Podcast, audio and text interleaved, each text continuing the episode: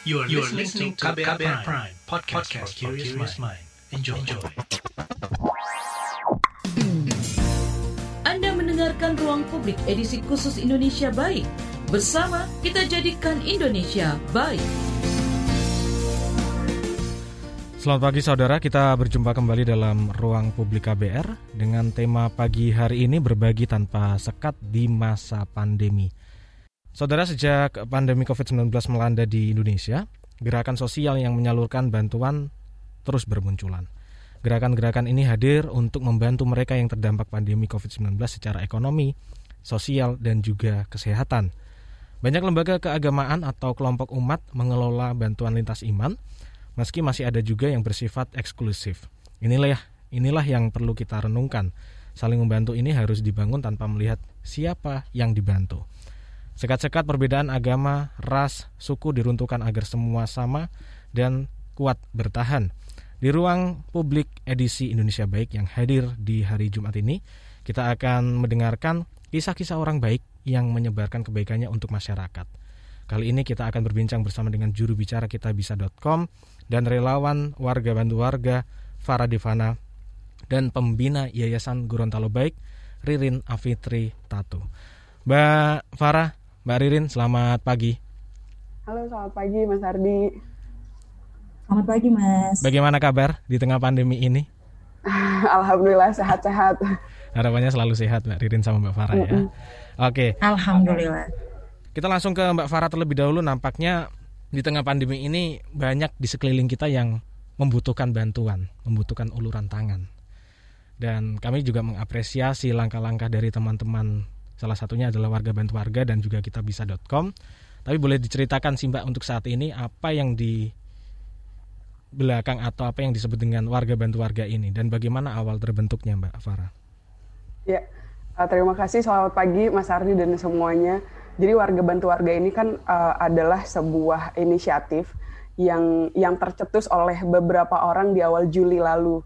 Jadi uh, kondisi krisis di Indonesia kemudian um, ketersediaan alat dan fasilitas kesehatan minim, masyarakat juga bingung mencari informasi ke mana. Hal-hal ini yang menjadi latar belakang orang-orang uh, apa inisiator si warga bantu warga ini untuk mem membuatlah uh, sebuah website uh, yang terintegrasi di mana orang-orang bisa menemukan, mencari, bahkan berbagi informasi juga di sana. Maka dibuatlah warga bantu warga. Nah, informasi itu kan sebenarnya sebelumnya tuh juga ada ya, sebelum ada warga bantu warga tuh ada informasi tentang tabung oksigen di uh, daerah X, ada informasi ambulans di daerah Y gitu. Nah, itu informasinya tersebar di mana-mana. Sosial media ada, di artikel-artikel ada, di pesan berantai via WhatsApp juga ada. Nah, itu yang berusaha kami kumpulkan. Kemudian nanti kami verifikasi dulu dan baru kami tampilkan di website warga bantu warga gitu. Jadi warga bisa memberikan informasi, warga juga bisa mendapatkan informasi juga dari uh, situs warga bantu warga ini. Dan juga kita sekarang udah punya healthcare hotline, orang-orang bisa WhatsApp, ini hanya WhatsApp, untuk nanya, nanya langsung, misalnya mereka keterbatasan untuk akses website, bisa nanya uh, ke nomor yang sudah tertera untuk misalnya ada nggak tabung oksigen di daerah saya, misalnya gitu, adanya informasi ambulans gitu sih. Oke, okay, information base ini mungkin menjadi salah satu yang uh, menjadi pondasi dari warga bantu warga ya. Karena tadi menyediakan informasi apa pun dari warga nanti diverifikasi dan disebarkan lagi ke warga. Mengapa memilih information base ini sebagai ujung tombak bantuan, Mbak Farah? Ya karena karena memang uh, situasinya krisis ya Mas ya. Uh, apa namanya ketersediaan rumah sakit di mana-mana full bahkan sampai ada yang di tenda-tenda. Sementara banyak juga dokter yang menghimbau kalau misalnya uh, tidak tidak terlalu bergejala berat atau misalnya habis kontak saja cukup isolasi mandiri. Dan bagaimana mencari bagaimana caranya bisa isolasi mandiri dengan baik biar tidak tertular biar tidak semakin parah masyarakat juga butuh informasi itu karena jadi jadi jadilah kenapa si informasi ini uh, jadi ujung tombak uh, jadi ujung tombak uh, warga bantu warga gitu dan juga sebelum ke rumah sakit juga banyak warga yang butuh ambulans misalnya kan jadi mau kontak ambulans rumah sakit pasti semuanya sudah full. Ada ambulans-ambulans masjid, ambulans-ambulans komunitas yang yang menginput data di kami yang nanti bisa kami sebarkan juga. Jadi apa sebelum dapat fasilitas dan layanan kesehatan mereka juga bisa uh, dapat informasi yang memadai dulu nih gitu biar tidak salah langkah biar tidak salah penanganan. Oke.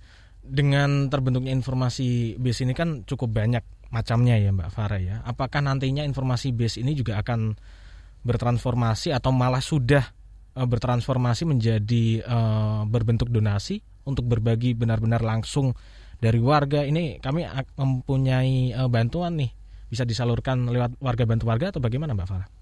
Iya benar sekali Mas. Uh, dua minggu awal itu memang kita masih struggling di informasi base ya, masih hmm. mengumpulkan informasi yang berceceran di mana-mana. Kemudian uh, kebutuhan juga semakin meningkat. Teman-teman kemudian bikin galang dana di kitabisa.com slash garis miring warga bantu warga kemudian uh, untuk orang-orang bisa berdonasi dan kita buat beberapa program. Sekarang uh, sudah ada itu program bantuan untuk warga isolasi mandiri jadi silahkan kunjungin website warga bantu warga, kemudian nanti ada form yang bisa diisi kalau misalnya ada warga yang butuh bantuan untuk makanan dan sembako, vitamin untuk isolasi mandiri. Tapi kemudian memang relawan kami akan verifikasi yang didahulukan seperti orang-orang yang tidak punya pekerjaan, orang-orang yang uh, uh, sudah tidak punya penghasilan lagi, mungkin itu yang akan menjadi utama yang diprioritaskan. dan memang karena keterbatasan relawan di lapangan juga, Eh, program ini baru ada di beberapa kota di Jabodetabek, Surabaya, Jogja. Kemudian ada program yang baru saja kami luncurkan adalah Borong UMKM. Jadi si donasi yang terkumpul tadi nanti kami belikan makanan uh, eh, UMKM di warung-warung, warteg misalnya gitu, terus kita borong si UMKM karena PPKM pasti sepi, nggak um, boleh dine in, dine in pun cuma 20 menit. Nah, makanannya kita borong nanti kita bagikan lagi nih ke warga yang membutuhkan, pekerja-pekerja informal yang justru punya dampak eh, terdampak besar juga nih di sini. Dan yang ketiga, yang paling baru dan ini gerakannya uh, besar, kita lagi bikin gerakan namanya Oxygen for Indonesia. Jadi Oxygen for Indonesia ini adalah um, sebuah gerakan untuk mengadakan 10.000 oksigen konsentrator. Jadi itu sebuah alat untuk membantu pasien uh, apa mendapatkan oksigen tapi kalau misalnya tabung oksigen itu cuma satu tabung bisa digunakan satu orang sampai habis. Si alat ini bisa digunakan 100 sampai seribuan ribuan orang. Harganya juga cukup mahal. Nah ini kita mengajaknya justru perusahaan-perusahaan startup, filantropis, venture capital untuk berdonasi di Oksigen for Indonesia.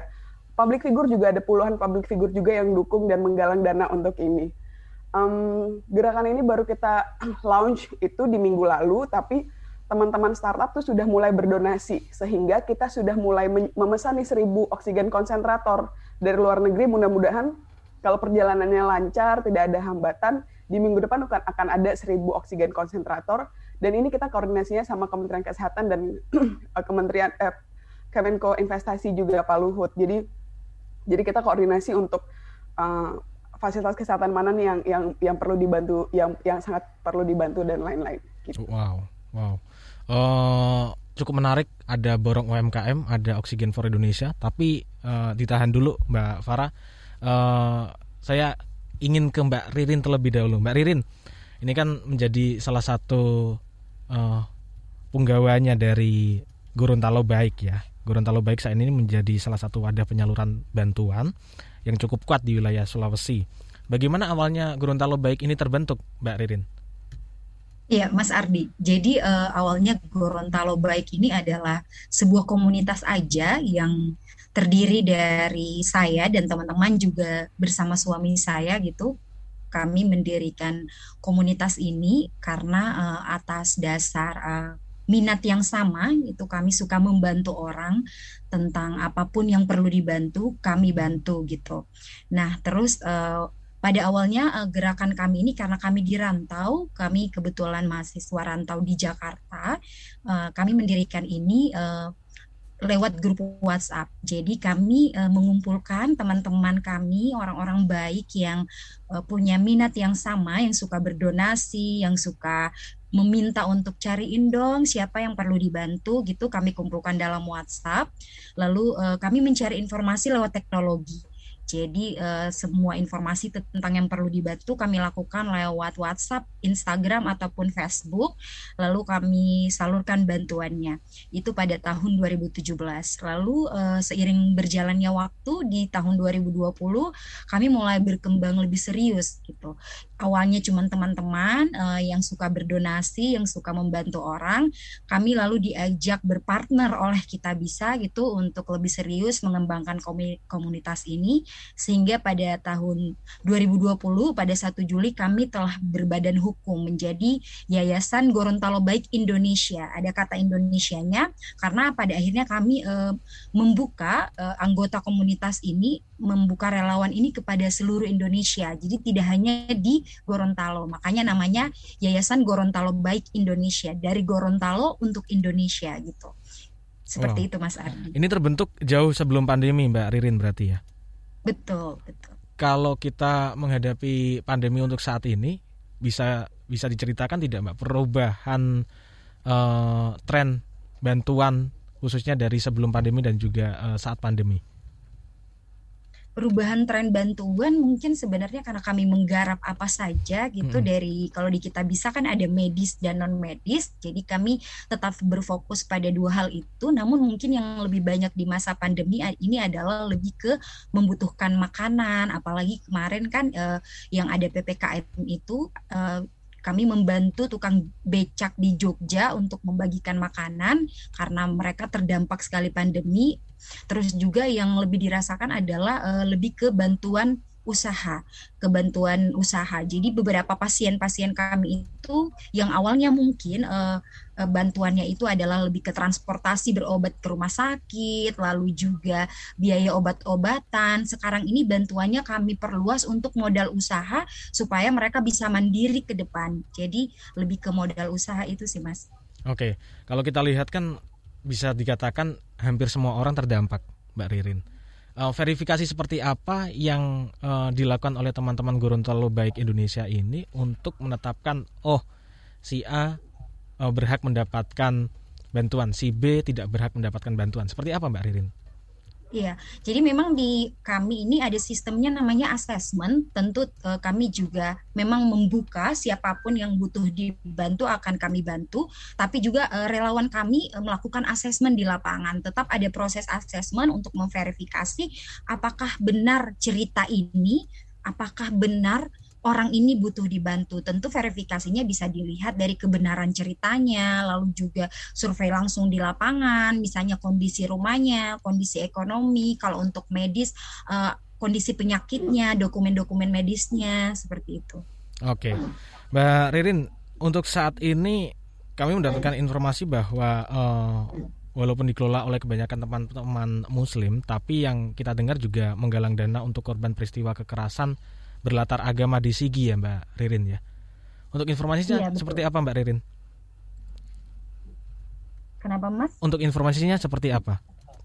Iya, informasinya itu jadi sebenarnya waktu uh, tentang pembantaian di Sigi itu terjadi, kami tergerak hatinya. Jadi kami ini tidak melihat latar belakang agamanya. Maksudnya kami hmm. uh, mengabaikan ada isu apa di Sigi sehingga terjadi pembantaian. Namun yang kami highlight adalah korbannya di situ. Di situ korbannya ada ibu dan anak-anak, ada perempuan dan anak-anak. Kebetulan saya juga sangat concern terhadap isu perempuan dan anak. Jadi ketika itu terjadi, pembantaian itu terjadi, kami langsung melakukan asesmen, verifikasi data, wawancara terhadap uh, apa yang terjadi di Sigi seperti itu. Nah, walaupun jadi kami tidak melihat agamanya, Mas. Kami melihat ini adalah korban pembunuhan. Ini adalah korban pembantaian di mana uh, anak dari si korban ini melihat langsung bapaknya dibunuh di depan mata gitu. Jadi saya langsung terpikirkan bagaimana kalau kita berikan bantuan. Nah kebetulan juga saya berlatar belakang psikologi, jadi tentu bantuan yang saya pikirkan adalah bantuan lebih ke psikologisnya, jadi ke pemulihan psikologis si perempuan dan anak-anak ini. Jadi kami ke sana ini menurunkan relawan dari Gorontalo datang ke Sigi uh, memberikan bantuan. Bantuan yang diberikan itu tentu juga adalah bantuan modal usaha juga karena mereka sudah kehilangan uh, yang mencari nafkah, suami-suami dan ayah-ayah sudah kehilangan. Jadi kami berikan bantuan modal usaha dan juga uh, pendampingan psikologis. Jadi lebih ke pendampingan betapa mereka trauma berada di lingkungan situ di Sigi, betapa mereka masih terpukul dengan kejadian itu, lalu Eh, bantuan yang kami berikan adalah berperspektif korban atau berperspektif penerima manfaat. Jadi ada kesan menarik waktu di sana itu eh, relawan kami datang ke sana adalah menanyakan apa sih yang diinginkan oleh korban. Lalu ada uh, hal yang masih saya ingat si korban menyatakan bahwa biasanya yang datang memberikan bantuan ini hanya foto-foto menyerahkan uang lalu pergi Yeah. Tetapi di Gorontalo Baik Indonesia tidak seperti itu. Uh, kami menanyakan apa yang mereka inginkan, mereka hmm. berkata mereka ingin apa refreshing gitu, mereka ingin lepas dari lingkungan yang menimbulkan trauma di mereka. Akhirnya mereka menyatakan mereka ingin sederhana sekali, mereka ingin ke Kota Palu, ingin menginap di hotel yang nggak terlalu mewah juga nggak apa-apa. Di sana mereka ingin berenang karena anak-anaknya suka berenang tapi tapi tidak pernah berenang di kolam renang. Wow. Jadi relawan kami mengajak mereka ke Kota Palu uh, untuk nginap di hotel sekaligus mengidentifikasi kebutuhan apa yang ingin mereka beli untuk modal usaha. Jadi semua kami serahkan ke si korban apa yang mereka inginkan dan apa yang mereka butuhkan. Okay. Seperti itu Mas Ardi. Oke, okay. uh, eh, nampaknya sudah ada beberapa pendengar yang ingin bergabung tapi sebelum kita sapa uh, kita akan jeda terlebih dahulu. Ruang Publik KBR dengan tema berbagi tanpa sekat di masa pandemi akan terus berlanjut, tetaplah bersama kami. Masih Anda dengarkan Ruang Publik KBR. Commercial break. Commercial break. Commercial break. Hmm, saya heran kenapa dagangan Bulastri selalu laris manis ya? Jangan-jangan dia pakai penglaris nih. Ah, masa iya sih? Ah, saya samperin aja kali ya.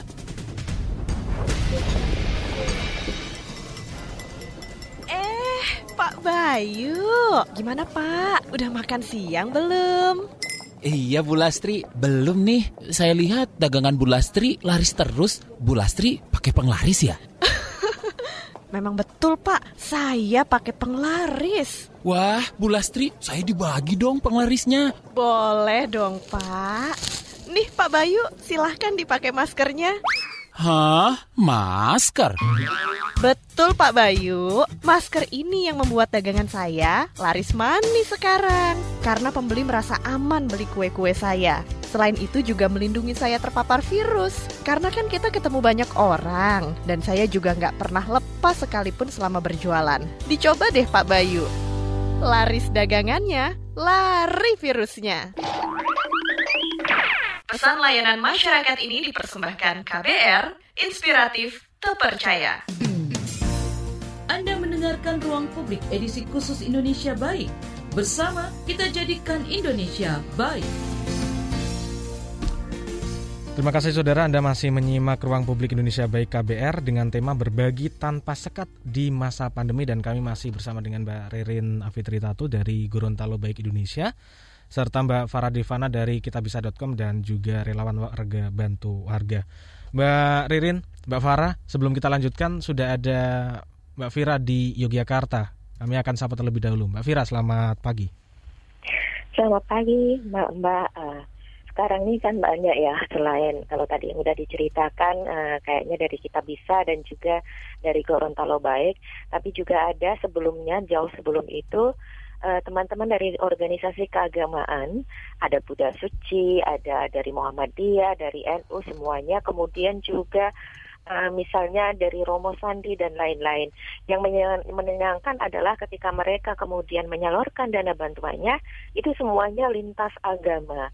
Cuma masalahnya kemudian yang uh, contoh-contoh baik itu kadang-kadang uh, tidak sampai juga ke teman-teman atau saudara-saudara kita yang menggalang dana atau bahkan kepada donatur yang ketika masih e, bertanya ini untuk siapa ya, ini untuk apa ya? Ada beberapa orang yang atau beberapa e, donatur gitu ya yang kalau kita kebetulan menggalang dana itu masih menanyakan uh, kepada siapa dana ini akan disalurkan artinya mereka itu masih mempersoalkan apakah ini dari kelompok yang sama. Nah, pertanyaannya adalah bagaimana cara memberikan pengertian kepada para donatur bahwa kalau kita membantu itu yang kita junjung adalah kemanusiaan dan bukan kita membantu hanya untuk kelompok-kelompok tertentu yang sama dengan uh, donatur bagaimana cara memberikan pengertian tersebut kepada para para donatur ketika kita sama-sama melakukan fundraising. Terima kasih mungkin dari pengalaman dari Mbak Ririn uh, dan juga dari kita bisa dan dari apa, apa warga bantu warga boleh di share sehingga kita kita yang nanti punya uh, cara yang sama, punya kegiatan yang sama, bisa menjelaskan dengan baik. Terima kasih. Terima kasih Mbak Vira di Yogyakarta. Jadi bisa diulangi bahwa saat ini sebelumnya juga sudah ada banyak organisasi keagamaan atau mungkin tokoh-tokoh keagamaan yang menawarkan bantuan lintas agama tanpa melihat latar belakang seperti yang tadi sudah dijelaskan oleh Mbak Vira dan juga sebelum break tadi juga sudah dijelaskan oleh Mbak Ririn. Tapi bagaimana? Yang paling penting bukan hanya penyalurannya tapi memberikan penjelasan ke donatur bahwa bantuan ini tidak hanya untuk satu golongan saja, tapi untuk uh, semua golongan. Bagaimana memberikan edukasi itu, Mbak Farah? Ya, kalau di kita bisa, uh, kita di awal pembuatan penggalangan dana khususnya ya, si penggalang dana ini kita wajibkan untuk membuat rencana anggaran biaya dan juga target siapa yang akan dicapai, uh, yang, ingin disasar. Target ini tuh harus jelas uh, tapi tidak menyebutkan agama ya. Uh, maksudnya targetnya siapa? Misalnya target kita adalah warga isolasi mandiri di Jabodetabek sehingga donatur pun dari awal juga udah langsung uh, apa namanya tahu oh saya mau dona saya uh, donasi yang saya berikan ini nanti sampainya ke warga di Jabodetabek nih gitu. Jadi uh, sepengalaman kami ketika ketika informasi itu sudah kita uh, beberkan di awal duluan dengan jelas dan rinci uh, donatur uh, apa pertanyaan-pertanyaan serupa itu akan uh, pertanyaan seperti yang Mbak Vira uh, alam yang sebutkan tadi mungkin uh, hampir jarang sih ya kami kami terima karena dari awal si program ini sendiri sudah jelas nih targetnya siapa di lokasi apa dan bentuk bantuannya apa gitu sehingga orang tahu oke okay, donasi yang saya kasih ini bentuknya nanti nanti akan berbentuk paket sembako dan akan dibagikan untuk warga isoman di daerah ini gitu sih. Oke. Okay. Kalau dari Mbak Ririn bagaimana untuk memberikan edukasi kepada warga tadi? Iya, karena kami juga partner dari kita bisa sebenarnya kurang lebih caranya sama, yaitu kami uh, biasanya mengangkat kisah uh, personal gitu. Jadi yang kami angkat bukan latar belakang agama kepada para donatur, tapi mengapa orang ini perlu dibantu. Misalnya kasus Sigi yang tadi, kami tidak mengangkat bahwa ini ada konflik agama dan segala macam. Kami tidak melihat itu. Tetapi yang kami angkat adalah ada anak yang melihat pembunuhan di depan matanya. Jadi memang caranya adalah mencari story yang yang uh, yang yang masuk secara umum yang benar-benar mengangkat isu kemanusiaan. Biasanya story-story yang cukup diminati untuk kami penggalangan dana itu adalah lansia karena memang punya kesamaan secara umum, mengingatkan pada orang tua, lalu juga anak kecil, anak-anak karena mengingatkan kita pada adik-adik kita, lalu juga biasanya kaum-kaum perempuan yang misalnya ditinggalkan oleh suaminya. Seperti itu. Jadi membawa hal-hal umum, Mas. Jadi tidak membawa perbedaan, tetapi kita mencari kesamaan kita sebagai manusia. Oke, kalau dilihat untuk saat ini seberapa penting sih Mbak Ririn, uh, terutama untuk meruntuhkan sekat-sekat perbedaan dalam program, terutama untuk program bantuan ini? Oh, penting sekali, penting sekali karena karena uh, ketika ibaratnya ikuti hati nurani aja. Ketika hmm. misalnya kita ingin membantu orang lain, ada yang sudah minta tolong di depan mata kita, apakah kita harus uh, langsung bilang bahwa oh dia berbeda dengan aku makanya dia tidak bisa kita bantu gitu.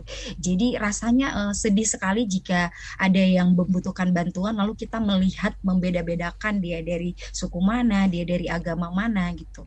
Oke, Mbak Farah, uh, di tengah pandemi ini kan cukup banyak sekali ya orang-orang yang membutuhkan bantuan. Tapi bagaimana teman-teman warga bantu warga kita bisa.com ini melihat antusiasme warga yang Eh, memberikan donasinya atau sebagai donatur. Apakah juga tampak di sini mereka saling membantu tanpa melihat siapa di balik bantuan itu akan tersalurkan ke mana, Mbak Farah? Ya, dari dari awal uh, warga bantu warga atau dari awal pandemi sendiri kita bisa juga sudah melihat ya uh, apa namanya warga Indonesia ini bergotong royong di tengah pandemi itu dari dari tahun lalu dari sebelum-sebelumnya memang tapi di tahun lalu itu berasa banget di se semua orang kesusahan semua orang krisis tapi semua orang juga saling membantu dan um, kalau dilihat dari jumlah donasi apalagi kalau nanti teman-teman bisa buka kita bisa.com slash warga bantu warga target hmm. 500 juta sekarang sudah 250 juta itu dalam belum belum satu bulan uh, artinya banyak orang yang memang uh, walaupun kalau kalau bisa dibaca doa doanya sekarang kita ada ada ada komentar atau doa yang bisa diungkapkan sama donatur tuh kita bisa baca kayak walaupun saya saya kerjanya masih belum jelas tapi sedikit ini semoga bisa membantu karena sedikit tapi digalang didonasikan oleh ribuan orang jadinya besar sekali ya Nah, di kita di warga bantu warga juga kita juga mengharapkan kalaupun memang uh, masyarakat uh, belum berkesempatan untuk membantu secara uh, material, mereka bisa bantu kami dengan cara memberikan informasi.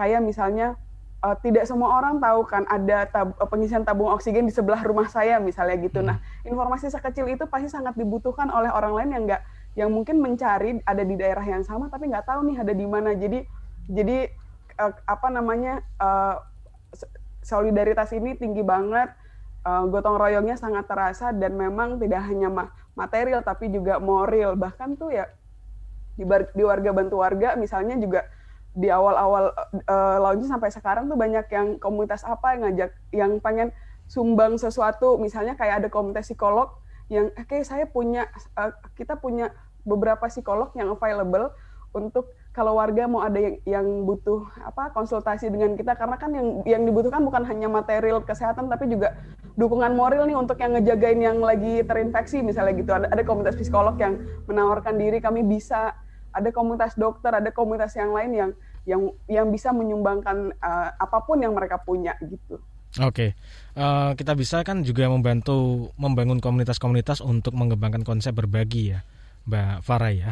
Nanti mungkin bisa diceritakan seperti apa uh, latar belakangnya. Kita akan jeda terlebih dahulu. Ruang Publik KBR dengan tema berbagi tanpa sekat di masa pandemi akan terus berlanjut. Tetaplah bersama kami. Mendengarkan Ruang Publik edisi khusus Indonesia Baik. Bersama kita jadikan Indonesia baik. Terima kasih Anda masih bersama kami dalam Ruang Publik Indonesia Baik dan saat ini kami masih bersama dengan Mbak Farah Divana dari kitabisa.com dan juga relawan warga bantu warga dan juga bersama dengan Mbak Ririn Afitri Tato dari Yayasan Gorontalo Baik Indonesia. Mbak Farah tadi kami menanyakan bagaimana untuk membangun komunitas-komunitas yang uh, bisa saling berbagi dan apa yang melatar belakangi sehingga muncul banyak komunitas yang tentu memiliki nafas yang sama yakni uh, for humanity, Mbak Farah. Nah, itu lahir justru memang awalnya dari dari komunitas-komunitas dan uh, apa lembaga-lembaga sosial yang ada penggalangan pertama yang ada di Kita Bisa tahun 2013 itu dibuat oleh teman-teman dari BEM UI justru uh, untuk sekolah master uh, uh, di Depok sekolah sekolah terbuka gitu sekolah gratis yang terancam tutup karena uh, operasionalnya sudah habis.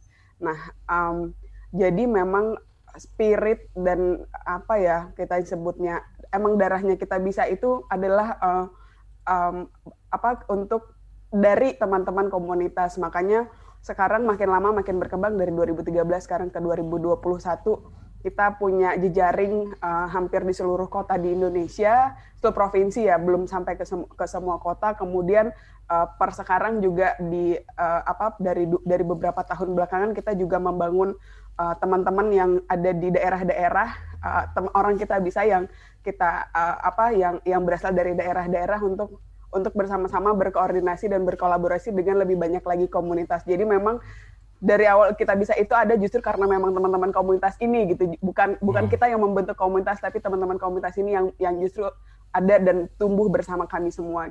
Oke, sudah banyak uh, pesan singkat yang masuk ke YouTube Berita KBR dan juga WhatsApp. Kami bacakan terlebih dahulu dari YouTube Berita KBR ya. Uh, kalau mau mengirim bantuan ke warga bantu warga dan juga Gorontalo Baik, alurnya seperti apa? Dan saya mengapresiasi langkah yang dilakukan oleh Kita Bisa dan juga Gorontalo Baik Bisa diceritakan bantuan terbesar apa yang pernah disalurkan dan bantuan terjauh sampai mana? Ini dari orang yang sama yakni Charles Herlambang. Bisa ditanggapi terlebih dahulu Mbak Ririn? Baik, terima kasih uh, kepeduliannya untuk menyalurkan donasi jadi sebenarnya gampang sekali, tinggal buka uh, kita bisa aplikasi, tinggal di download aplikasi kita bisa. Lalu di situ ada banyak sekali penggalangan dana jika mau berdonasi untuk Yayasan Gorontalo Baik Indonesia yang digalangkan oleh kami, cari saja Yayasan Gorontalo Baik Indonesia atau Gorontalo Baik Indonesia itu langsung akan muncul. Atau teman-teman semua juga bisa uh, lihat uh, kami di Instagram Gorontalo Baik. Di situ ada berbagai aktivitas penggalangan dana, update update kondisi penyaluran atau pasien-pasien yang kami bantu ada di situ juga di Gorontalo Baik. Lalu terkait pertanyaan uh, bantuan terjauh dan terbesar apa yang disalurkan untuk sejauh ini kami punya satu campaign yang uh, baru satu tahun ini tapi donasinya lumayan besar yaitu satu miliar itu untuk pondok pesantren Tuli di Yogyakarta. Jadi kami itu juga menjadi yang terjauh karena kan kami di Gorontalo tapi kami menyalurkannya di Yogyakarta. Kemarin itu uh, kami salurkan untuk pondok pesantren Tuli. Jadi santri-santrinya ada Tuli di sana belajar mengaji begitu. Mereka spiritnya adalah untuk belajar mengaji walaupun di tengah keterbatasan. Nah, lalu selanjutnya juga bantuan yang terbesar besar kalau untuk individu ada di Sigi tadi yang saya cerita kami membantu korban uh, pembantaian dan pembunuhan itu di situ donasinya sampai 100 jutaan kami berikan untuk bantuan modal usaha kepada keluarga-keluarga yang ditinggalkan oleh suami dan ayah-ayah mereka yang dibunuh juga bantuan pendidikan untuk anaknya seperti itu. Oke. Kalau dari Mbak Farah seperti apa Mbak? Ya kalau bantuan terjauh um, apa kita bisa juga membuka penggalangan dana untuk luar negeri ya uh, apa penggalangan dana untuk uh, bencana kemanusiaan di Palestina atau pembangunan masjid dan rumah sakit di luar negeri juga di masjid di New Zealand, di Jepang dan lain-lain. Kalau lokasi sih kita menjangkau semua um, untuk bantuan dalam negeri sendiri tuh kita kerjasama sama teman-teman berkat bantuan teman-teman komunitas tadi kita bisa sampai ke pelosok-pelosok sampai ke Indonesia bagian terluar bahkan kalau di pandemi sendiri hmm. khusus pandemi tahun kemarin itu bersama Gus Durian kita sampai menyalurkan bantuan untuk TKW-TKW eh, eh, tenaga kerja Indonesia yang ada di luar negeri. Nah, kalau bantuan terbesar banyak sekali ya, saya juga susah menyebutkannya satu-satu, tapi memang kita fokusnya ke uh, isu dan apa nih hal yang sedang yang sedang uh, benar-benar sedang kita fokuskan. Nah, harapannya sih apa namanya Oksigen for Indonesia ini bisa menjadi gerakan yang besar yang nantinya bisa membantu uh, banyak sekali rakyat Indonesia. Kita nggak ingin kejadian yang seperti terjadi di India justru terjadi dengan dengan kita makanya dari awal teman-teman startup, selebritis, influencer, kemudian venture capital udah menggalang dana untuk pengadaan si oksigen konsentrator ini bisa dikunjungi nanti Oksigen for Indonesia ada websitenya. Kemudian bagaimana cara berkontribusi? Untuk saat ini memang di warga bantu warga kita baru apa baru bisa melayani uh, bisa menerima kontribusi dalam bentuk dua hal. Pertama uh, ada tiga hal sih. Pertama bisa berdonasi kita bisa.com garis miring warga bantu warga, kemudian bisa menjadi sumber informasi, memberikan data dan informasi. Kami sangat butuh sekali karena uh, informasi yang ada sekarang di warga bantu warga itu paling banyak di Pulau Jawa. Di luar Jawa itu dona, uh, informasinya masih sedikit. Sementara kalau saya lihat datanya pengunjung website kami itu dari Padang, dari Palembang itu banyak, tapi informasinya nggak begitu banyak nih. Nah, kita juga butuh informasi itu. Kemudian juga uh, yang lagi nonton, yang lagi mendengarkan bisa berkontribusi juga jadi relawan. Jadi kita juga sedang kerjasama dengan Kemenkes untuk terus mengupdate database-nya Kemenkes yang namanya Siranap itu uh, apa ketersediaan bed dan rumah sakit yang ada di Indonesia. Nah, itu butuh bantuan relawan juga nih untuk update si uh, data-data uh, ini dan relawan yang berkontribusi juga tidak bisa berkontribusi sepanjang hari kita sepanjang masa gitu ya karena kita membatasi juga nih demi kesehatan fisik dan mentalnya uh, relawan juga satu bulan nanti rolling dengan wartawan uh, dengan relawan yang lain gitu. Jadi jadi bisa sekali berkontribusi, silahkan kunjungi warga bantu warga dan di sana eh, pendengar dan penonton di YouTube juga bisa tahu saya bisa donasi, bisa melakukan apa nih gitu. Oke, saya bacakan lagi Mbak Farah dan juga Mbak Ririn. Ada dari Randy Siregar membantu tanpa sekat. Yang paling penting adalah mengutamakan kemanusiaan. Dan mengkotak-kotakan dan yang paling mantap adalah meringankan beban antar sesama. Ini menanggapi pertanyaan nampaknya ya. Dari Farah Nabila celetuk dari masyarakat. Miskin warga miskin tidak mampu dipelihara oleh kita bisa. Menurut saya sekarang ini kita benar-benar tidak bisa mengandalkan siapa pun kecuali diri sendiri dan nurani kita yang ingin bantu sesama. Ada lagi dari Yuyun lewat WA. Uh, selamat pagi, saya Yuyun dari Makassar. Saya tertarik dengan bantuan korban teroris di luar daerah Gorontalo. Bagaimana untuk dampingannya? Apakah ada bentuk kerjasama dengan pemerintah setempat? Melihat ini kan bantuan datang dari luar daerah. Mbak Ririn bisa tanggapi terlebih dahulu, Mbak Ririn. Baik, ya. terima kasih dari Makassar. E, benar sekali, kami bekerja sama dengan pemerintah. Tentu kami tidak bisa bekerja sendiri dalam membantu e, bantuan yang berdampak lebih besar dan lebih banyak tidak bisa dilakukan sendiri. Jadi kami bekerja sama dengan pemerintah, pemerintah provinsi, pemerintah daerah. Jadi juga relawan-relawan kami yang ke Sigi itu juga melakukan koordinasi dengan pemerintah, ke dinas sosial, ke dinas pemberdayaan perempuan dan perlindungan anak, lalu ke bupati setempat untuk memberitahu informasi itu penting memberitahu bahwa ada warga yang kami bantu di Sigi ingin kami sekolahkan, ingin kami berikan dampingan psikologis, lalu apa yang bisa dilakukan oleh pemerintah untuk bersinergi bersama kami gitu. Jadi kami juga tidak membentuk sekat dengan pemerintah, justru kita harus bersahabat dan bekerja bersama. Oke. Okay. Ada juga dari eh, Kristi di Bali. Selamat pagi dan salam kenal. Beberapa hari kemarin saya dimintai tolong teman untuk cari oksigen untuk ibunya yang terkena COVID. Akhirnya juga berhasil dapat walaupun di daerah Semarang. Dalam hal ini apakah saya salah membantu teman yang membutuhkan karena saya disalahkan cuma karena dia sering minta bantuan ke teman orang lain. Terima kasih Kristi di Bali. Nampaknya tidak ada bantuan yang salah ya. Yang penting niatnya udah baik seperti itu Kristi. Ada juga dari Tri di Jakarta, apa keuntungan komunitas warga yang mau menggalang donasi bergabung dengan platform seperti Kita Bisa? Apa syaratnya? Mbak Farah silakan tanggapi. Ya, um, syaratnya nggak ada.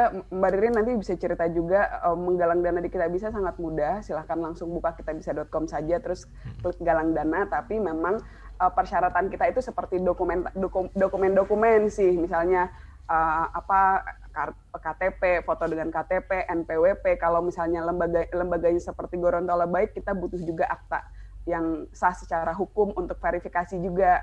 Nanti uh, tim verifikasi kami juga nanti akan ada lagi verifikasi kemudian yaitu ke keaslian cerita, keaslian uh, komunitasnya benar ada atau tidak dan lain-lain. Jadi paling apa namanya kalau mau membuka galang dana silahkan langsung buka saja kita bisa.com terus nanti ada tombol galang dana sekarang paling kita pisah antara medis dan non medis veri, ada verifikasi dari tim yang harus dilewati dulu nanti sampai si galang dananya bisa kebuka. Oke. Terima kasih Mbak Farah dan juga Mbak Ririn untuk penjelasannya. Kita akan eh, beri terlebih dahulu, nanti kita akan lanjutkan perbincangan dalam Ruang Publik Indonesia Baik. Ruang Publik Indonesia Baik akan kembali usai jeda. Masih Anda dengarkan Ruang Publik KBR. Commercial break. Commercial break. Commercial break.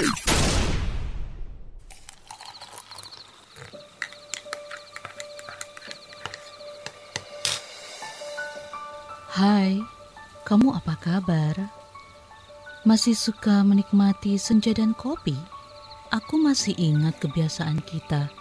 Sehabis pulang kerja, selalu mencari tempat untuk sekedar ngobrol dan ngopi. Tapi kadang kita kehabisan bahan obrolan. Aku masih melakukan hal yang sama sampai sekarang tanpa harus takut habis bahan buat ngobrol. Karena aku selalu mendengarkan KBR sore dari Senin sampai Jumat jam 4 sore. Ah, aku rindu. KBR Inspiratif Terpercaya.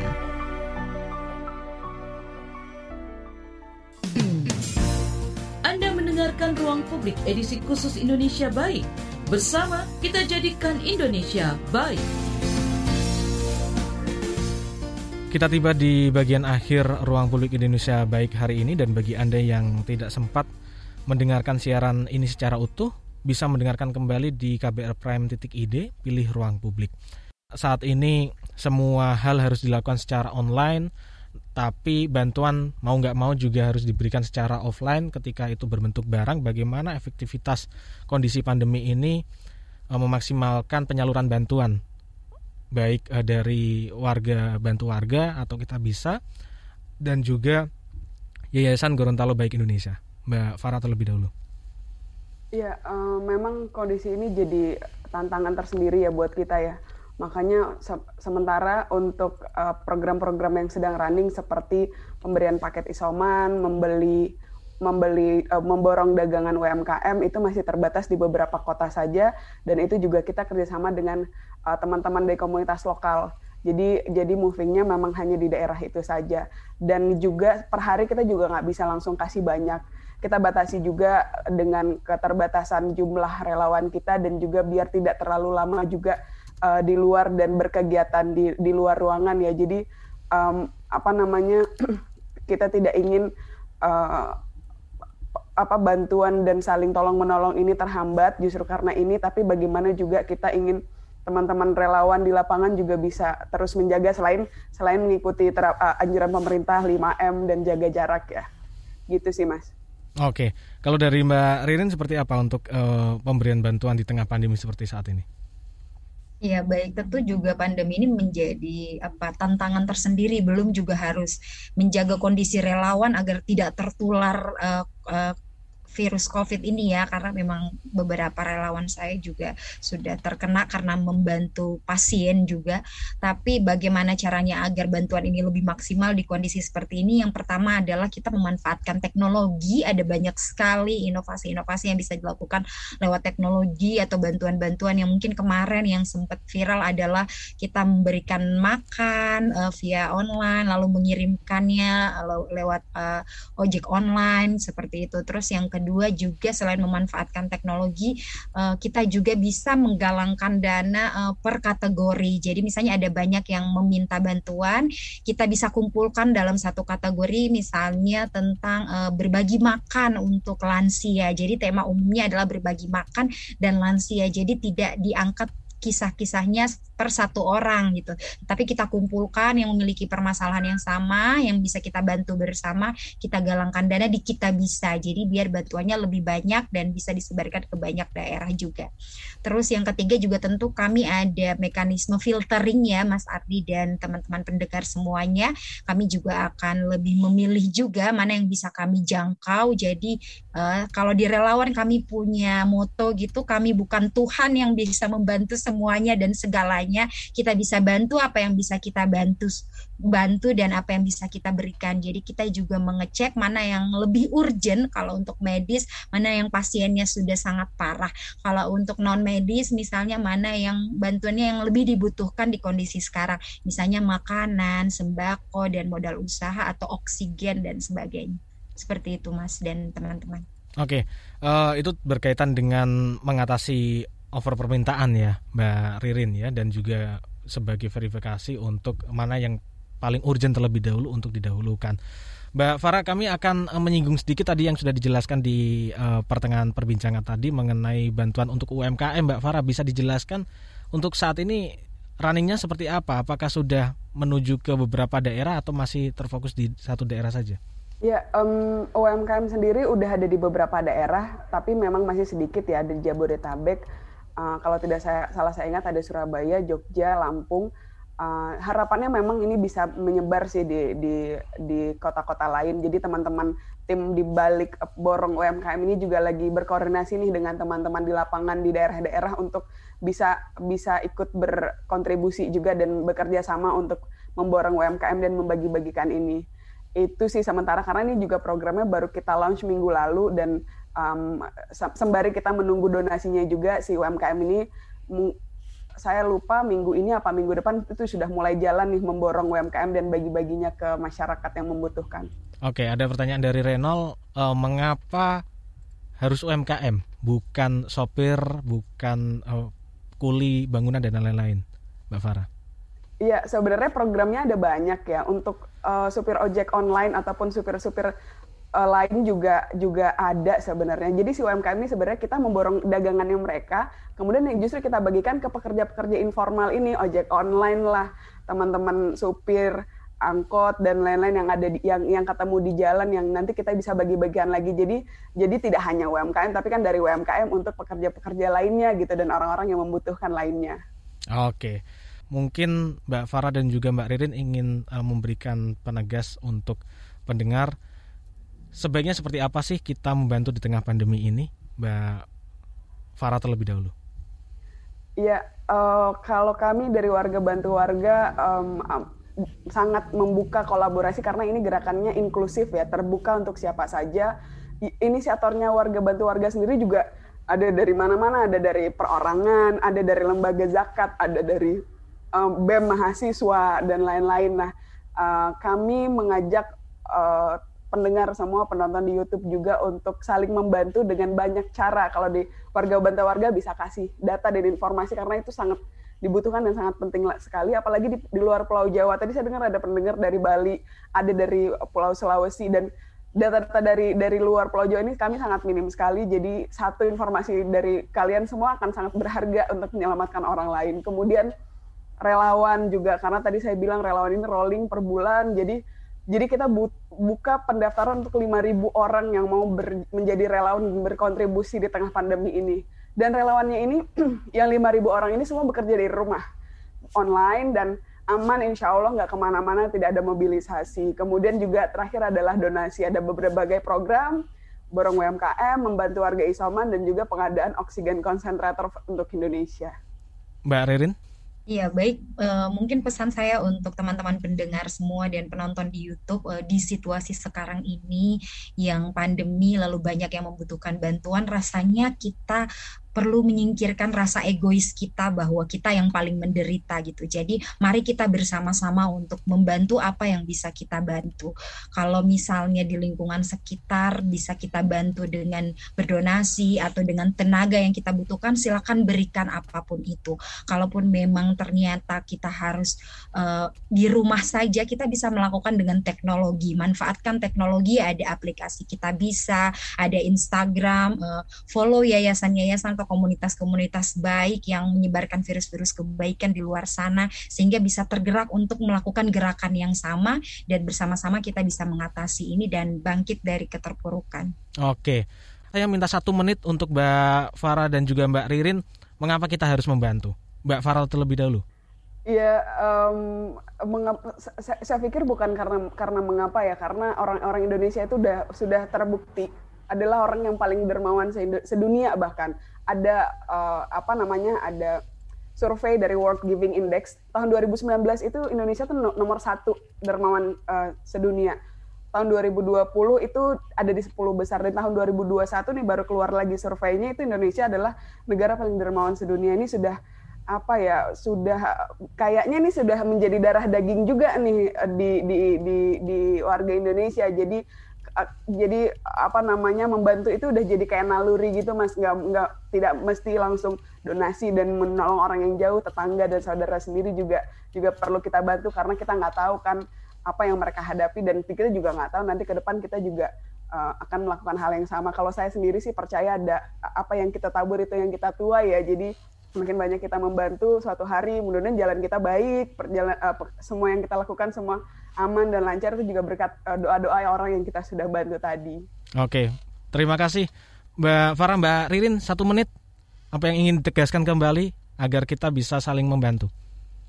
Ya, mengapa kita membantu? Karena kita tidak hidup sendiri di bumi ini. Kita hidup dengan orang lain, kita hidup bersosial, ada banyak yang butuh bantuan. Lalu juga dengan memberikan bantuan, pengalaman yang saya rasakan adalah itu memberikan kebahagiaan dan betul yang Mbak Farah bilang memberikan kemudahan-kemudahan. Banyak sekali kemudahan yang saya dapatkan karena rutin membantu sejak kecil hingga saat ini yang mungkin emang itu adalah balasan dari Tuhan atas kebaikan-kebaikan yang kita lakukan. Terima kasih. Mbak Ririn Afitri Tatu dari Yayasan Gorontalo Baik Indonesia dan juga Mbak Farah Devana dari kitabisa.com dan juga relawan warga bantu warga harapannya tidak hanya Mbak Ririn dan juga Mbak Farah tapi positive vibes ini bisa benar-benar uh, tersalurkan, bisa benar-benar terserap oleh siapa pun yang menyaksikan ruang publik pagi hari ini. Terima kasih untuk waktunya. Saya Ardi undur diri. Selamat pagi, salam. Baru saja Anda dengarkan Ruang Publik KBR. KBR Prime, cara asik mendengar berita. KBR Prime, podcast for curious mind.